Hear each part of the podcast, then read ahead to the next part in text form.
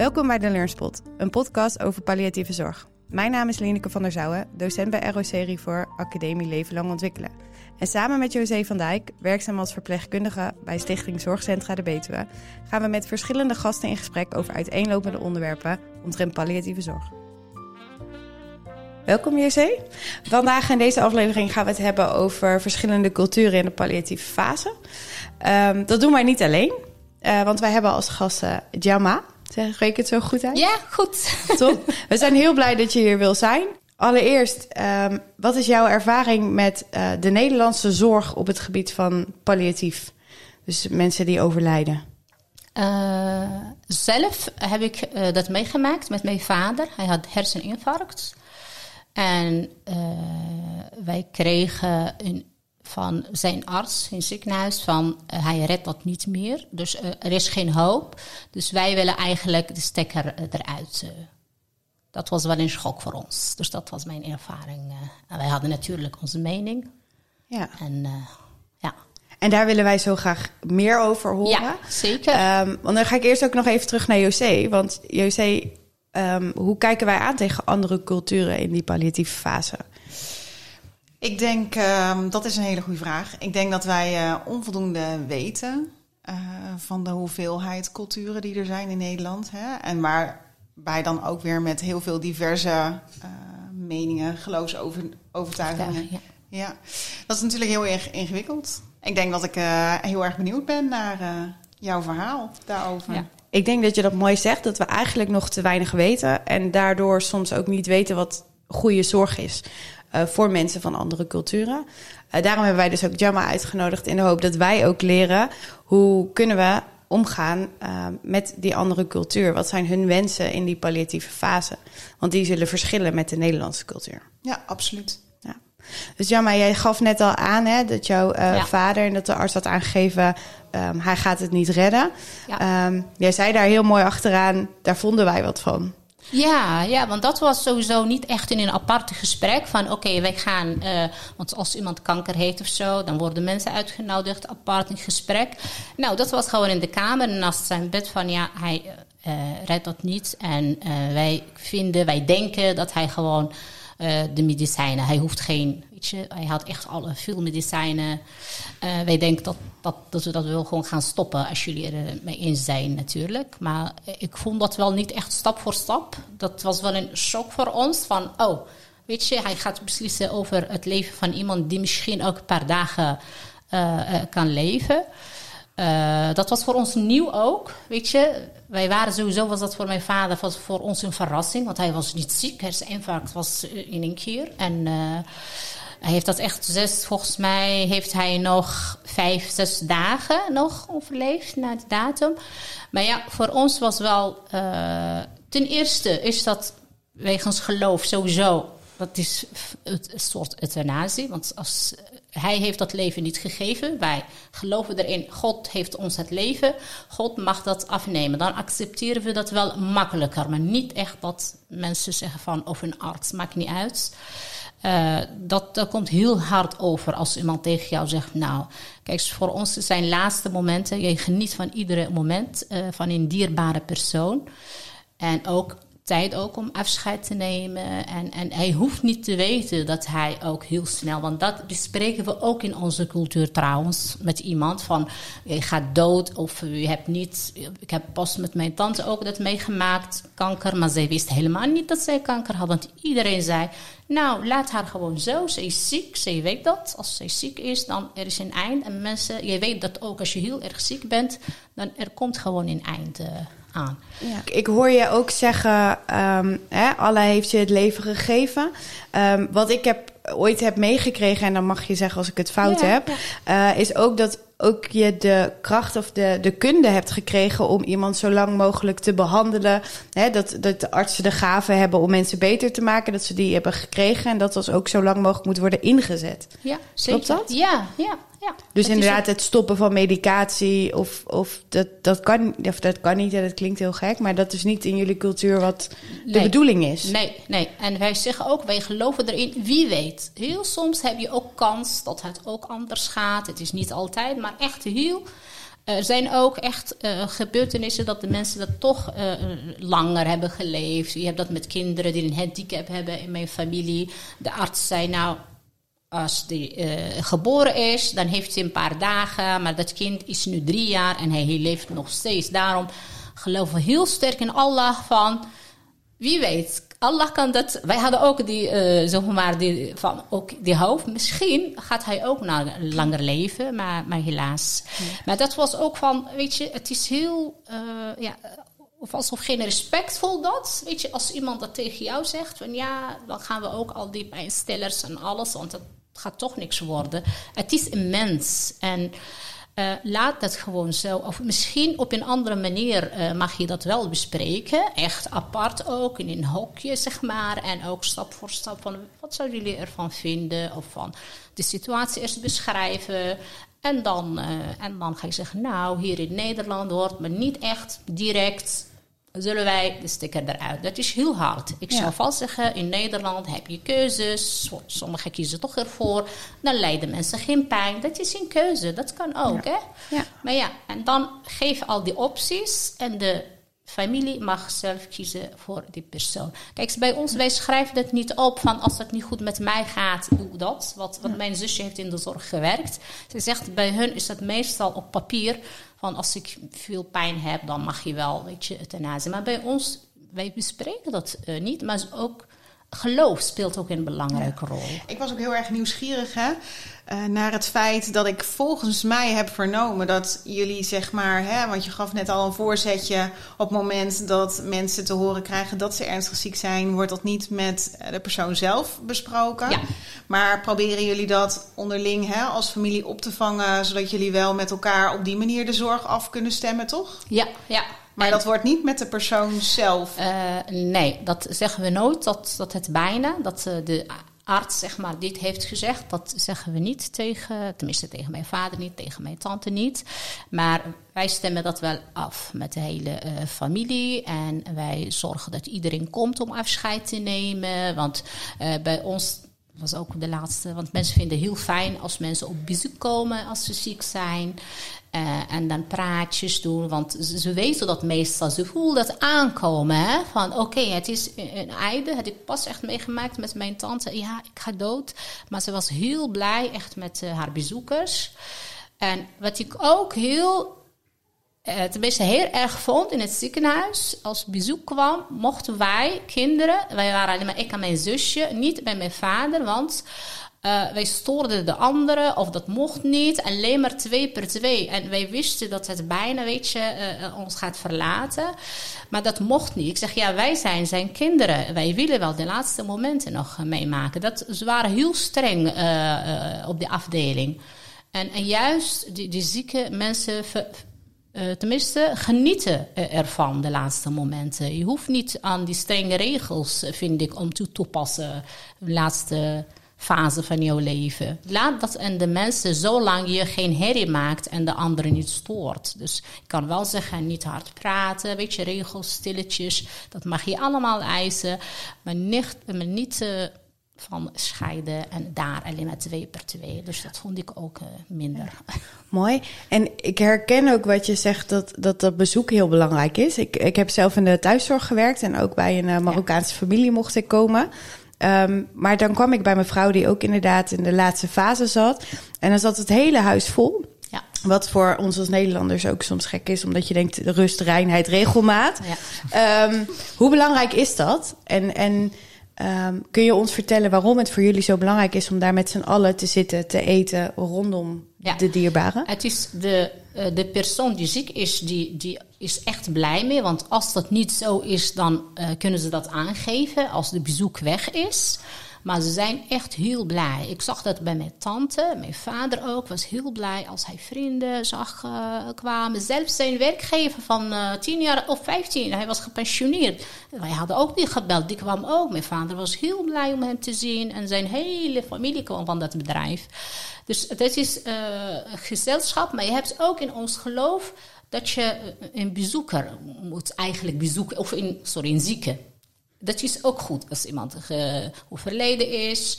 Dan heb je zeg maar hasanat, heb je extra punten als je iemand bezoekt. eh, als iemand ziek is. Dus mensen weten dat ook en uh, zijn wel uh, blij eigenlijk. Maar als ze dat echt niet leuk vinden, dan geven ze dat wel aan ons door. Van ja, liever niet, want dat heb je ook. Mensen zijn ook, heb ik, sommigen zeggen, we zijn bang. Mijn tante was heel erg bang van, ik wil liever dat mensen bij mij zijn. Dus ja. s'nachts vond ze dat heel erg eng. En uh, dus dat is ook. Dus gezellig. Uh, de, de, tijd, ze hebben de tijd ook niet in de gaten. Uh, dus dat vinden ze allemaal goed. En de bezoekers is ook om afscheid, maar ook om, zeg maar, Hassanat. Het is goed dat je dat doet. Dat je afscheid neemt van anderen, dat je de anderen bezoekt. En ja, ja, voor Mooi. contacten. Dat heb je ook. En echt, mijn tante was heel erg ziek. Toch eiste van, ja, kom, jullie moeten eten, warme eten. Ik zeg, nee, thee is genoeg, tante. Zij wilde zelfs nog warme eten. En wij hadden helemaal geen een, uh, stemming nog om eten te gaan maken. Maar bij haar wilde ze nog. Ze was zo blij dat die mensen er waren. En zij wou nog uh, warm eten aanbieden aan haar bezoekers. Mooi. Maar wij zaten er mee, weet je. Je weet dat ze het eind is. En uh, ja. Dus dat is eigenlijk heel belangrijk, toch, bezoek. Ja. ja, maar het mag wel, er mogen wel eisen, maar wel, weet je, van oké, dit is de lijst. Als jullie het eraan houden, naar huis, weet je, of één. Nou, en eigenlijk, dat is wel mooi, want dat is denk ik al de eerste tip voor, voor de Nederlandse zorg. Uh, omdat die familie zo belangrijk is en dat iedereen op bezoek kan komen uh, in die laatste fase, dat, daar eigenlijk, dat we daar aandacht voor moeten hebben. Kunnen we uitzonderingen maken in plaats van maar twee, mogen er drie. Maar als het te veel wordt, dat we ook naar huis mogen sturen. Ja. Heb je nog meer tips voor ons als zorgverleners? Waar kunnen wij jullie in tegemoet komen? Ik moet eerlijk zeggen, mijn tante was ook, lag ook in het ziekenhuis, maar die, die was echt heel tevreden over de zorg. Zij had zelfs van de huisarts zei, je mag naar Marokko, weet je, je kan daar, je hoeft niet allemaal dat gedoe met vliegtuigen wachten. Maar ze had toch ervoor gekozen om hier, uh, zeg maar, de laatste uh, maanden door te brengen. En dat was echt wegens de goede zorg. En uh, dus ik denk dat echt de goede zorg is wel perfect. Dat, dat heeft echt bijna iedereen daarover gesproken. Alleen maar over bepaalde gewoontes. En uh, weet je, dat mensen wel afscheid of uh, nemen. Uh, of wat eten soms, weet je, meeneemt naar de andere of bel. Dat is het enige. Maar zorg is echt, iedereen spreekt perfect over uh, de zorg uh, voor de zieken hier Mooi. in Nederland. En welke gewoontes, behalve het bezoek, zijn er nog meer gewoontes waar we rekening mee kunnen houden? ja, soms eten, want ik weet dat uh, mensen dat eten van het ziekenhuis niet lekker vinden. Het is meer in water gekookte aardappels of niet, niet echt lekker. Dat uh, mensen vinden wel lekker als iemand ook uh, wat eten meeneemt. Of uh, ja, soms zijn, ze, zijn, er strenge regels omdat er te veel zout is of niet. Dus de arts wil ook niet dat iedereen, weet je, wat eten meeneemt. En, dus dat is wel iets wat eigenlijk. Eten is ook belangrijk. Lekker eten, eten is ja, belangrijk. Lekker eten is ook belangrijk. Ja. En er kunnen ook, ook eisen van: oké, okay, als je dit gebruikt, moet je geen zoet of geen zout of weet je, kruiden mag je ook. Dat is ook belangrijk. En ook gewoonte dat mensen, maar dat hoort wel op zich de privacy. Want als iemand uh, uitgekleed wordt, of weet je, dan zijn er soms mensen erbij. En op zich, dat wordt wel gedaan. Maar ik weet dat uh, mijn vader het heel erg vond, omdat een vrouw bij hem kwam uh, verzorgen. En dat vond hij heel erg van. Hij zegt: Ik wil naar Marokko. Nu zorg jij dat ik morgen naar Marokko ga. Dat mocht niet van de arts. En dat was echt wegens de vrouwelijke verzorgster. En mijn vader is van de eerste gastarbeiders. Hij is 17 jaar geleden overleden. En hij was 70 of zo. Dus echt van de oude, oude generatie. dus en dat stel vond hij nou, heel erg, ja. Want er werken nou eenmaal heel veel vrouwen in de zorg. Ja, ja, ja weet ik. Um, zouden wij ook aan, aan, familie kunnen vragen of zij daar dan iets in kunnen betekenen? Omdat wij het ja. soms ook gewoon niet kunnen regelen om een man ja. te uh, krijgen. Bijvoorbeeld zijn vrouw, kan iemand dat doen? Vrouw of dochter zou hij ook niet fijn vinden. Als ik dat voor mijn vader, weet je. Dat, ja. maar mijn moeder was wel gezond. Dat had wel gekund ja. echt verzorgen. Of, uh, dat zou wel heel fijn zijn. Ja. En zijn er ook, en uh, ik weet niet of jij broers hebt, maar stel dat je die zou hebben, zou een man, uh, een zoon, zou dat wel kunnen? Dat denk een zoon hem helpt? Ik heb niemand hier in Nederland, alleen maar mijn zusje. ja, maar ik denk dat familieleden dat wel heel graag doen voor hun vader, voor hun meisjes, voor de moeders. Ja, ja. dat doen ze echt heel graag. Ja, want zorgen ja. is wel ook heel belangrijk, hè? Ja, je zult zeker. ook weinig, denk ik, Marokkaanse uh, ouderen tegenkomen in het verpleeghuis. Klopt ja, dat? Ja, ja, ze willen echt door de eigen kinderen verzorgd worden. Maar ja, daarom is, eh, had mijn moeder een keuze gemaakt om terug te keren naar Marokko gelijk na het overlijden van eh, mijn vader. Want ze wilde ook niet in het ziekenhuis, ze wilde ook niet in de koeling als ze eh, overleed. Dus ze zag gelijk regel voor mij dat ik terugkeer naar Marokko. Ja. Ja. En ja, eh, ik denk dat de generatie van nu anders is. En wat is er dan ik zou nu dat anders? wel willen. Ik zou dat, ik ben ja, niet echt heel jong, maar ik, ik zou dat eh, gewoon eh, juist gewoon zelfstandig willen wonen. Of in een, ja, een bejaardenhuis bestaat niet meer, maar je hebt die zelfstandige woningen. Die Dus aanleunwoningen? ja, ja, leunwoningen. Ja, ik denk dat het nu echt heel anders is. Je weet dat iedereen druk heeft, werk. Je gaat dat niet eisen. Ik, ik was trainer, PVT, dat heb ik ook besproken. Ik heb een stukje zorg. Eh, ik heb mensen uit Eritrea, die waren echt er tegen. Nee, mijn kinderen moeten mij wel echt verzorgen. Verzorgen. Ja, maar het hele, echt hele andere groepen, die, die, waren, die hadden zoiets... Nou, het is een andere leven. Ik vind het best eh, om zo'n verzorgingshuis... eh, ja, Die komen er wel meer. Oh, sorry, José, ga. ga. Nee, ik ben gewoon heel erg nieuwsgierig naar wat maakt dan nu dat je eh, daar toch anders over bent gaan denken. Nee, dat is, kijk, dit is mijn keuze. hè. Dit is de generatie, omdat je weet dat je werkt. Je werkt zelf. Je weet dat het niet haalbaar is. Dat je dat in jouw kinderen moet vragen om voor jou te zorgen. Misschien willen ze dat helemaal niet. Ik zou dat heel graag gedaan hebben voor mijn ouders, omdat ze dat ook graag wilden. Maar de generatie van nu, ik kan niet rekenen op mijn kinderen, denk ik. Nou, ik, ik ga dat niet garanderen. Nee. En ik weet ook, ik werk zelf en ik heb het heel erg druk. Ik ga echt niet verwachten eh, dat iemand anders eh, voor mij gaat zorgen. Nee, ik wil juist zelfstandig. Daarom zeg ik, ik denk dat de generatie van eh, nu, zeg maar, en ik ben nog een beetje de oude, maar toch dat ze toch ervoor kiezen om zelfstandig te gaan wonen. Ja, ik, het is echt, het komt vaak in de groepen, in, in mijn discussie met mijn eh, cursisten. En ze geven echt aan van, nou, ik vind het fijn dat ik eh, op mezelf ga wonen als ik oud word. En eh, weet je, zo'n kleine huisje, kan je bewegen, keukentje. Ja, maar de oude generatie is anders. Ja, is echt heel anders. De Ja. tijd verandert De ook. tijd verandert en nu werkt bijna iedereen. Je hebt misschien een paar, maar het is, eh, ik denk dat het wel eh, goed komt. Ja. Ik ben nog wel nieuwsgierig. Hè? Zijn er dingen die we echt totaal eh, over het hoofd zien? Wij als eh, zorgverleners, waar wij geen aandacht voor hebben. Eh, en die we dus eigenlijk, hè, dus echte don'ts, die we dus niet moeten doen. Ten opzichte van jullie cultuur bijvoorbeeld. Ik, volgens mij weten jullie dat wel, maar het is niet haalbaar. Dat, wat ik bedoel, geopereerd door een vrouw, mannelijk. Weet je, dat vrouwen, man, het is heel. Weet je, ik was ook geopereerd twee keer door, door een man en later door een vrouw. Ik had geen keuze gemaakt, dus ik weet dat.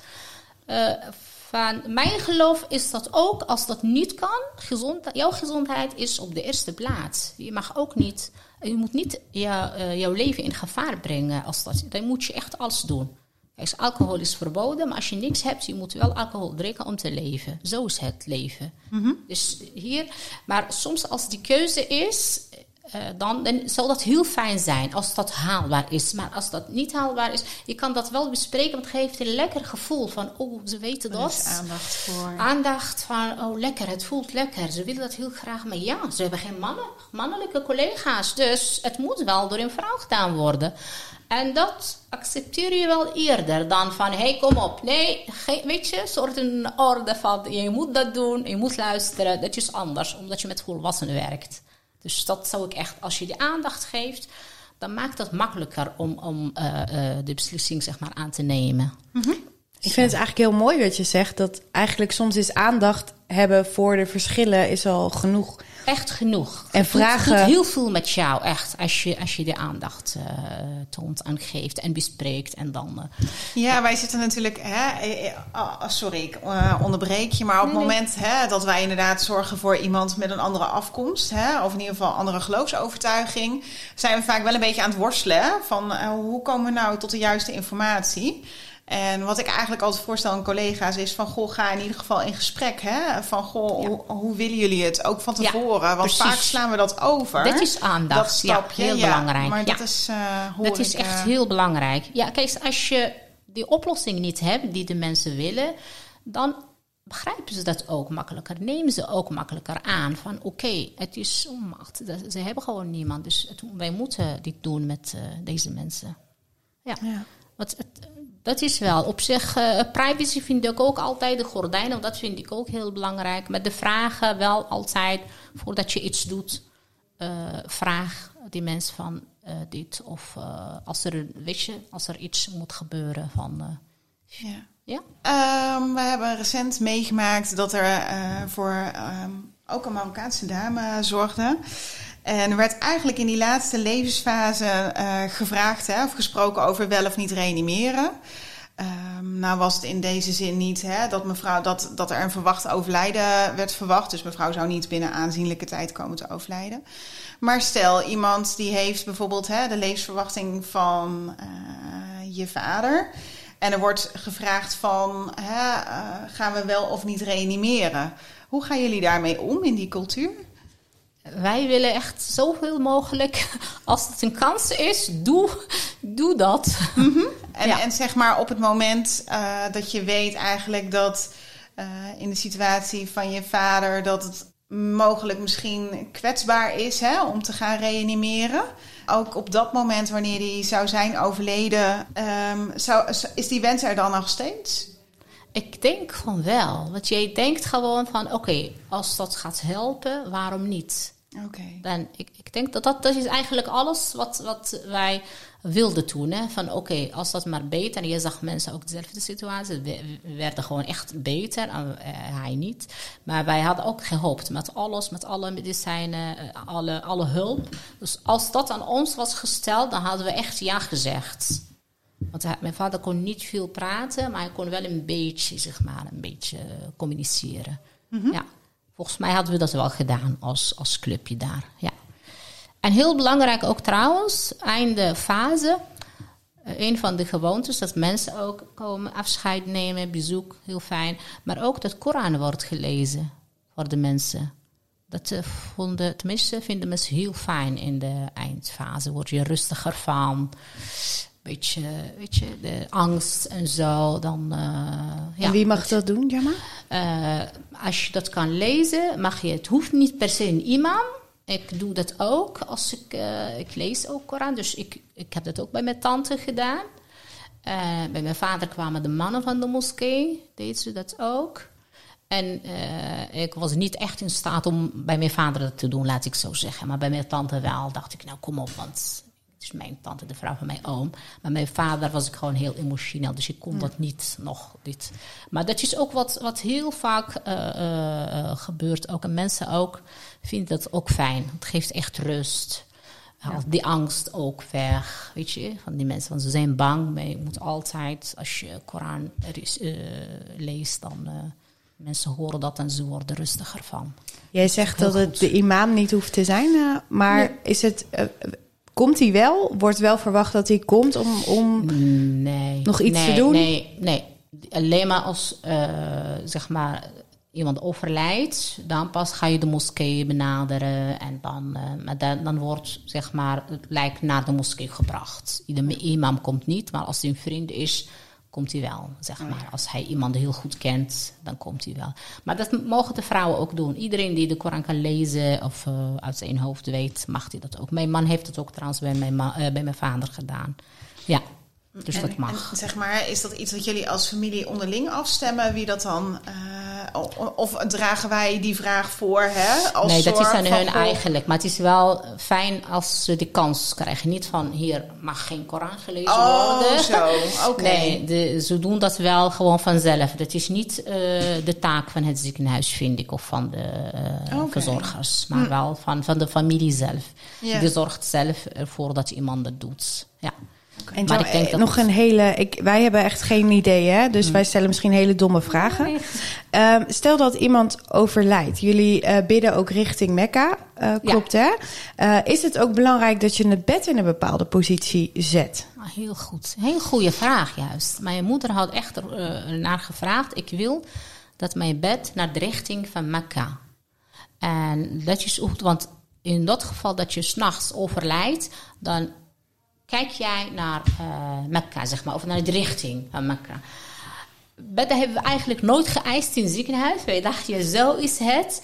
Maar als het thuis is, dan zetten wij wel de bedden altijd richting Mekka. En als mensen ook zelf bewust zijn, hebben we voor mijn tante echt de laatste twee dagen hebben we gezegd, oh, het gaat niet goed met haar, even het bed. Want het was daar, zeg maar, even andere richting. En inderdaad, hebben we op tijd gedaan. Twee nachten, nog een goede richting. Ja. Dus dat is ook een hele goede. Was ik vergeten eigenlijk. Nou ja, wow. ik, ook wel om je bewust te zijn. Soms moet je het bed even anders zetten Ja. om iemand goed te kunnen verzorgen. Maar in dit geval is het dus ook heel belangrijk dat je hem weer terugzet Ja. zoals hij stond. Ja. Eh, dus vandaar dat ik dacht, dat wil ik nog even checken. Of dat inderdaad ja, zo ik weet is. niet of er iedereen aan denkt, want ik, ik had ook nooit eigenlijk eraan gedacht. Ik hoorde dat van mijn moeder. En, eh, en toen ook bij mijn tante had iemand gezegd: Oh, dat bed moet wel de richting, want het gaat niet goed met het gaat slechter de laatste tijd. Ja, maar het is heel belangrijk dat iemand de richting overlijdt. Ja. Eh, ja, eigenlijk uh, uh, het hele gesprek was uh, heel interessant. Ja, ik heb uh, genoeg geleerd. Laten we het daar uh, op houden. Ja, heel Kijk fijn. wel. Dankjewel. Ja, jullie Dankjewel, ook. Gemma. Jullie belangstelling. Goede vragen ook, hè? Dankjewel. Echt top. Dankjewel voor je tijd en Graag voor je gedaan? Bedankt voor het luisteren. Wil je meer weten over palliatieve zorg? Volg dan deze podcast of ga naar www.rocrefor.nl slash leven lang ontwikkelen.